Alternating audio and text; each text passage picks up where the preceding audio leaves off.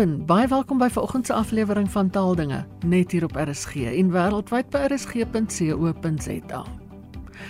Soos jy dalk sal onthou het ons in Desember afskeid geneem van Dr Willem Botha as hoofredakteur van die Woordeboek van die Afrikaanse taal. Nou vandag is dit my voorreg om die nuwe hoofredakteur Dr Philip Lou bekend te stel en meer te hoor oor sy idees en sienings en planne. Philip Jy het nou pas begin by die WAT, maar jou pad met woordeboeke kom al van ver af. Vertel ons kortliks. Ina, ja, ek eh, sê altyd vir mense ek is so 'n bietjie van 'n accidental lexicographer. en dit is omdat ek universiteit toe gegaan het met die gedagte dat ek Engels en Afrikaans onderwyser sou word en uh, jy weet ek is toe al verlei deur um, iemand soos Rufus House en sy liefde en passie vir woordeboeke en jy het ook toe agtergekom dat ek 'n aanleg daarvoor het. Mm.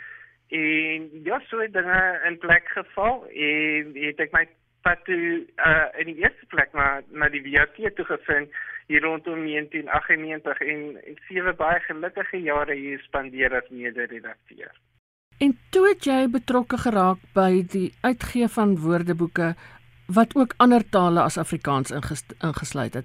Vertel my 'n bietjie van die uitdagings en struikelblokke op die pad om iets soortgelyk as die WAT of net woordeboeke in die algemeen in ander tale te kry. Ja, ina dis nou al die minder lekker deel van die verhaal. Jy weet my my paadjie by Oxford University Press het eintlik begin met Afrikaanse woorde, die tweetalige skoolwoordeboek wat enorm suksesvol was daarna. Maar wat ek toe nou besef toe ons daardie reeks van tweetalige woordeboeke begin uitbrei, is hoeveel uitdagings daar is in die onderrigstelsel of die onderwysstelsel vir mense wie se moedertaal nie Engels is nie en wat nie soos baie van ons Suid-Afrikaans sprekend is al klaar in 'n in 'n redelik tweetalige omgewing groot word nie. Jy weet baie mense in hierdie land bly in plekke waar jy nie 'n woord Engels hoor in jou in jou daaglikse lewe totdat jy by die skool aankom nie. Ja. En dit het regtig vir my uh, laat begin besef hoe hierdie verengelsingsbeleid in die onderwysstelsel waar kinders op graad 4 vlak moet oorskakel van uh jy weet hulle moedertaal na Engels toe. Hoe dit eintlik uh hierdie siklus van armoede waarin ons land vasgevang is net laat voortgaan. En dit is regtig toe my doel vir die vir die volgende 17 jaar wat ek toe nou by by OUP was om te doen wat ek kan om vir al die taalgemeenskappe in Suid-Afrika woordeboeke daar te stel wat daardie daardie brug kan wees tussen hulle moedertaal en Engels. En dit is regtig wat in die eerste plek nodig is vir die vir die Afrika tale is woordeboeke wat daardie oorgang kan uh, fasiliteer op skoolvlak. Maar dan wil mense na punt toe kom waar daar nie so vakkende woordeboeke kan kan wees vir die tale. En in daardie opsig is die Pan Suid-Afrikaans Taalraad met sy verskillende nasionale leksikografie eenhede regtig besig om baie goeie werk te doen om woordeboeke wat meer omvattend is. Nou nie so groot soos die WAT nie, maar wat meer omvattend is en eentalig of groter tweetalige woordeboeke is tot stand te bring. Jy het nou bietjie daaraan geraak, maar wat is die belang van skoolwoordeboeke vir kinders in ander tale spesifiek nou? Jong, ina, ons het regtig 'n baie baie groot probleem. Jy weet as ek 'n stapie terug kan gaan en kan sê dat ons sit in 'n situasie in ons land vir uh, die internasionale studies, die uh studies wat die vordering met leesbegrip toets in ja. graad 4 ja. daarop dui dat 8 uit 10 kinders in ons land nie in hulle moedertaal kan lees met begrip nie. En as jy nie kan verstaan wat jy lees nie, dan kan jy nie wiskunde doen nie, jy kan nie wetenskap doen nie, jy kan nie geografie doen nie, jy kan nie geskiedenis doen nie, so gaan dit aan. En nie is dit 'n krisis dat hulle op daardie punt op graad 4 nog nie in hulle eie moedertaal kan uh, lees met begrip nie, maar dan moet jy nou dink, jy's op daardie punt waar dan van hulle verwag om na Engels om te skakel as die die taal waarin hulle moet leer. Dit is 'n krisis. Dit is dit is absoluut 'n onverstaanbare ding dat dit dit verwag word van mense. So daar's daar's regtig twee goed. Jy weet ons moet ons moet die moedertaal onderrig wat gegee word in al hierdie verskillende tale reg kry van graad 1 tot 3 want uh, soos baie akademici soos soos professor Nick Spol en anders sê die uh, smoking gun as as soos hulle dit stel is dat kinders nie behoorlik begin leer lees in graad 1 selfs goed is soos woorderkenning of karaktererkenning nie eens plaasvind in graad 1 nie. En dan natuurlik uh, op graad 4 die ideaal sou wees dat hulle langer dan kan aangaan in hulle moedertaal en dat hierdie oorgang beter gefasiliteer word na Engels toe.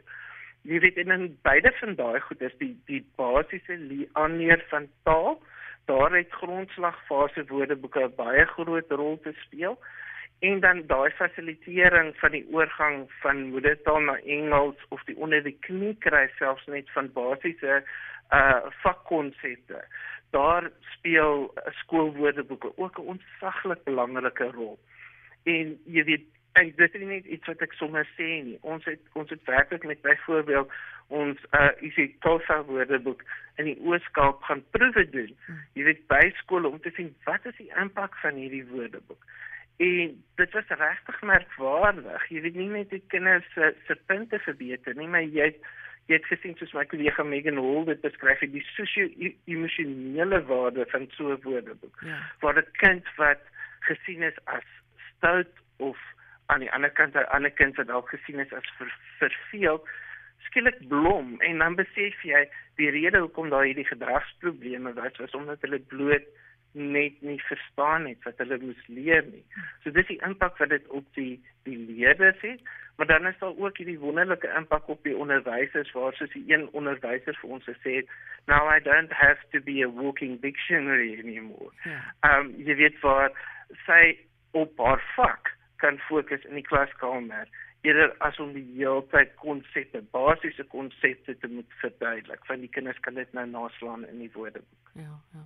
Weet jy die ironie vir my is dat dit al soveel keer bewys is dat moedertaalonderrig absoluut noodsaaklik is juis sodat kinders kan leer om konsepte te vorm en konsepte te Precies. verstaan.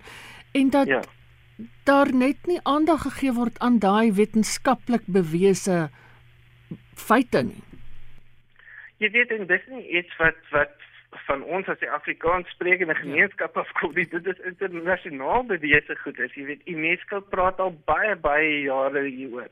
En van die lande waar uh, die onderwysstelsels in Afrika die suksesvolle stelsels is, is juist die waar moedertaal onderrig langer aangaan as wat dit in Suid-Afrika gebeur. Uh jy weet en, en dit is om uh, jy weet ek voel baie sterk daaroor dat um wat ons reg gekry het in Afrikaans met die Afrikaanse onderrigstelsel moet beskerm word en gekoester word. Jy weet in dit dien as 'n model vir wat ons eintlik nodig het vir die res van die land. Want ek dink die uh die sukses wat Afrikaans sprekendes bereik het alreeds in hierdie land is, is getuig daarvan, getuig van die waarde van wat dit wat dit kan wees. En dis hoekom dit vir my so enorm belangrik is dat die narratief verskuif moet word van jy weet Engels teen Afrikaans na wat het ons nodig te doen om prakties in ons land meertaligheid en veeltaligheid te bevorder. Nie wat nou maar net om tale te bevorder nie, maar om seker te maak dat dat taal funksioneel aangewend word in die onderrigstelsel om hierdie siklus van armoede te verbreek. Ja. En hiervoor het ons regtig politieke wil nodig. Jy weet en ons het nodig dat mense wegkom van Ehm um, ek wil hulle amper side shows noem as ek die Engelse woord mag gebruik ja. rondom taal ja. en fokus op waar is hierdie kernkrisis wat ons kinders in hierdie land terughou en wat dan deurspoel daarna dat daardie volwassenes nie produktiewe lede in die arbeidsmark kan wees. Afrikaans is self onder druk by die universiteite in die sakewêreld. Ehm um, wel op alle vlakke eintlik. Hoe sien jy die pad vir Afrikaans en dan nou iets soos die WAT? Jong, dis eintlik vir my die VAT is 'n goeie histories in hierdie in hierdie hele opset. Jy weet, ek kyk na hoe betrokke mense is by die VAT. Hoeveel mense woorde borg. Jy weet hoe ja. ons donateurs ons ondersteun. Hoe uh werklik kundige mense as medewerkers vir ons optree. Hoe die personeel so hard werk daar direksie is, dit presteer. Uh die VAT is 'n is 'n plek wat bewys wat 'n mens kan regkry as 'n taalgemeenskap saamkom, eienaarskap neem van die taal en sê hier het ons hierdie ding, die VAT, die Woordeboek van die Afrikaanse taal, wat ons vir ons nageslagte moet bewaar omdat dit gaan wees hoe ons Afrikaans vir ons nageslagte bewaar. Hmm. Jy weet dit maak my enorm positief oor Af oor Afrikaans en dit laat mense besef die wil bestaan om Afrikaans te beskerm, te koester en voor te laat bou. Jy weet en en die Universiteit van Stellenbosch self gee vir ons enorme ondersteuning as die VAT. So ek dink daar is uh, wil wat ontbreek om Afrikaans te beskerm of of te koester nie. Wat ontbreek is 'n praktiese raamwerk hoe om veeltaligheid by universiteite soos die universiteit van ehm um, Stellenbosch of enige ander universiteit in die land te bevorder sodat ons seker maak dat daai momente wat ons regtig al op skoolvlak moet opbou van 'n kind wat in sy moedertaal leer en dan terselfdertyd bykomend in 'n Engelssprekende wêreld kan funksioneer. Laat daai momente nie op universiteitsvlak gebreek word nie en dat ons seker kan maak kinders of hulle nou uh jy weet Xhosa sprekend of Afrikaans sprekend of Zulu sprekend by by uh, KwaZulu-Natal Universiteit. Jy weet daai kinders kan voel hulle kom in 'n konteks in waar hulle nie net inklusief behandel word nie, maar waar hulle tuis hoort. En dit is wat 'n mens kan doen as jy op 'n praktiese vlak veeltaligheid by die universiteite ondersteun. Jy weet dit kan vir elke universiteit anders lyk. Ja. Hier in die Kaap kan ons universiteite Afrikaans, Engels en Xhosa ondersteun. En KwaZulu-Natal kan dit Zulu wees, jy ja, weet. Ja. En so kan ek aangaan. Maar ons moet begin om daardie tipe van praktiese oplossings te vind eerder as om in hierdie narratief te bly vashak van Engels teenoor Afrikaans. Ja, ja. Die ding van die WAT wat wonderlik is en ek dink nie altyd almal besef dit nie dat al die variëteite van die hm? gebruik van Afrikaans word dan opgeteken om dit te behou nie waar nie Dis dis waar jy weet en vir my het eh, ek gevra is om half 'n visie te formuleer vir die WAT uh is die uh, visuele ding wat wat ek dink bietjie visueel partykeer die visuele ding wat my opgekom het is die idee van 'n gesaghebende skatkamer vir inklusiewe Afrikaans. En wat dis ook besef is wanneer jy praat van inklusiewe Afrikaans, dan praat jy van Afrikaans as 'n glyskaal. Uh aan die een kant sit die baie informele gebruik van Afrikaans aan die ander kant sit die hiperformele gebruik van Afrikaans. Jy jy weet jou vakkundige terme ja. uh, dat dat iemand wat 'n kernfisikus of 'n geoktroeëerde rekenmeester is, ook sy vak kan bedryf in Afrikaans. En ehm um, die WAT is die een woordeboek, die een plek waar Afrikaans in sy breedste moontlike omvang van die informele van die streeksvariëteite af tot daai hiperformele konteks 'n tuis te vind want 'n uh, woordeboek soos die HAT, die Handwoordeboek van die Afrikaanse taal of die Verklarende Afrikaanse Woordeboek of selfs die AWS, hulle kyk maar na 'n deeltjie van hierdie glyskaal van Afrikaans. En dit is die deeltjie wat baie mense standaard Afrikaans noem, wat ander mense algemeen Afrikaans noem, maar dit is regtig maar die deeltjie waar ons kyk na die formele geskrewe variëteit van Afrikaans terwyl die WAT se bestaansreg en se missie is om Afrikaans in die breedste omvang moontlik te beskryf. Hoekom ek wil nou weer terugkom na die WAT self toe. Ek wil net eers by jou hoor, hoekom is woordeboeke as sodanig in 'n mens se lewe belangrik?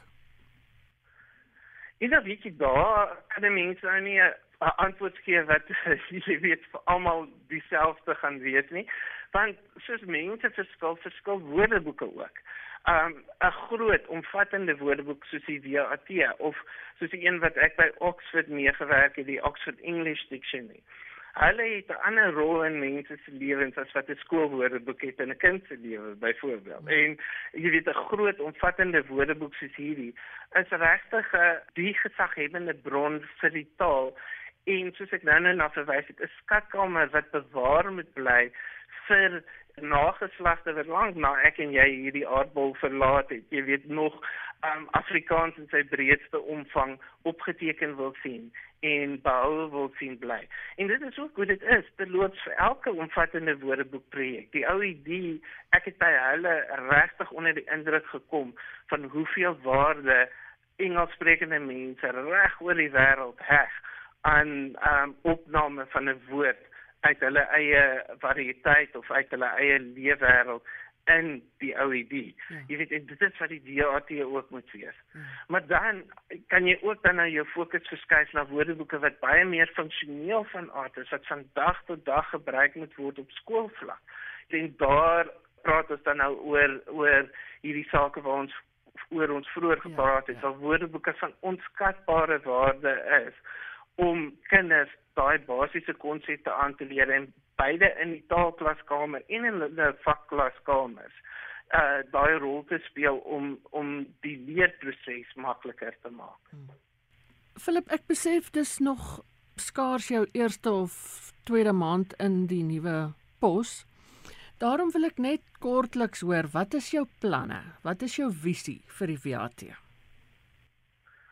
Ina, soos ek nou net gesê het, ek weet my visie is van hierdie gesaghebende skatkamer vir inklusiewe Afrikaans, maar daar is al reeds wonderlike goed aan die gebeur om om daarby uit te kom. Jy weet hierdie 10 jaar plan waarmee begin is om die VAT so vinnig as moontlik tot by Z te kry, is regtig my belangrikste projek. Uh, projek. Dit moet ons doen. Ons moet hier ehm um, oor 'n paar jaar teen 2028 of so moet die VAT voltooi wees tot by Z. Um, jy weet en dit is vir my 'n enorme voorreg dat dat ek nou uh, kan help om daardie waar jy daardie drif te trek. Daarna kan 'n mens begin kyk na hoe moet 'n mens hierdie projek hersien? Hoe moet 'n mens uh, nuwe woorde byhou en so aan? Maar ook baie belangrik, hoe moet 'n mens hierdie skatkamer uh behoorlik ontgin? Want terwyl ek nou by UP gewerk het, een ding wat regtig belangrik geword het daar is om nie 'n woordeboek as 'n 'n produk wat soos 'n tradisionele woordeboek alleen gebruik gaan word te beskou nie, ja. maar om ook te kyk na hoe kan jy die inhoud daarvan op kreatiewe maniere ontgin? Byvoorbeeld die dele daarvan te lisensieer aan uh big tech maatskappye vir wat ook al hulle wil doen. So bietjie te kyk na wat die moontlikhede is wat elektroniese ontginning vir ons bied. 'n uh, Ander punt wat vir my baie belangrik is, is dat ons die momente wat reeds opgebou is om die variëteite van Afrikaans in hulle volle omvang te beskryf, dat ons op daai momente moet voortbou. Dit is vir my ontsaglik belangrik want ek voel daar die DAT kan regtig 'n uh, belangrike rol speel om brûe te bou binne die taalgemeenskap van Afrikaans. Jy weet en dan eh, 'n uh, laaste ding wat wat 'n mens net regtig na moet kyk is om vennootskappe te bou. Jy weet om vennootskappe met akademiese te bou, om vennootskappe met verskillende ander organisasies wat Afrikaans ondersteun te bou maar nooit die gewone gebruiker uit die oog verloor nie. En ehm um, wat julle sal vind hopelik oor die volgende paar jaar is dat die VAT ook baie meer met die gewone gebruikers daarvan gaan kommunikeer en interakteer. Dat ons kan weet wat is dit wat elke mens wat die VAT wil gebruik verwag dat ons vir hulle moet bied in hierdie wonderlike woordeboek. Dankie Philip, ek sien persoonlik baie uit daarna. Dankie Ina en dankie ook vir jou rol as ondersteuner van die WAT. Ons waardeer dit werklik. Dit was Dr Philip Lou, die nuwe hoofredakteur van die WAT. Dit is dan al vir vandag. En onthou jy kan die potgooi aflaai by rsg.co.za. Geniet die res van die dag in RSG se geselskap. Bly veilig, bly gesond en van my Ina Strydom groete tot 'n volgende keer.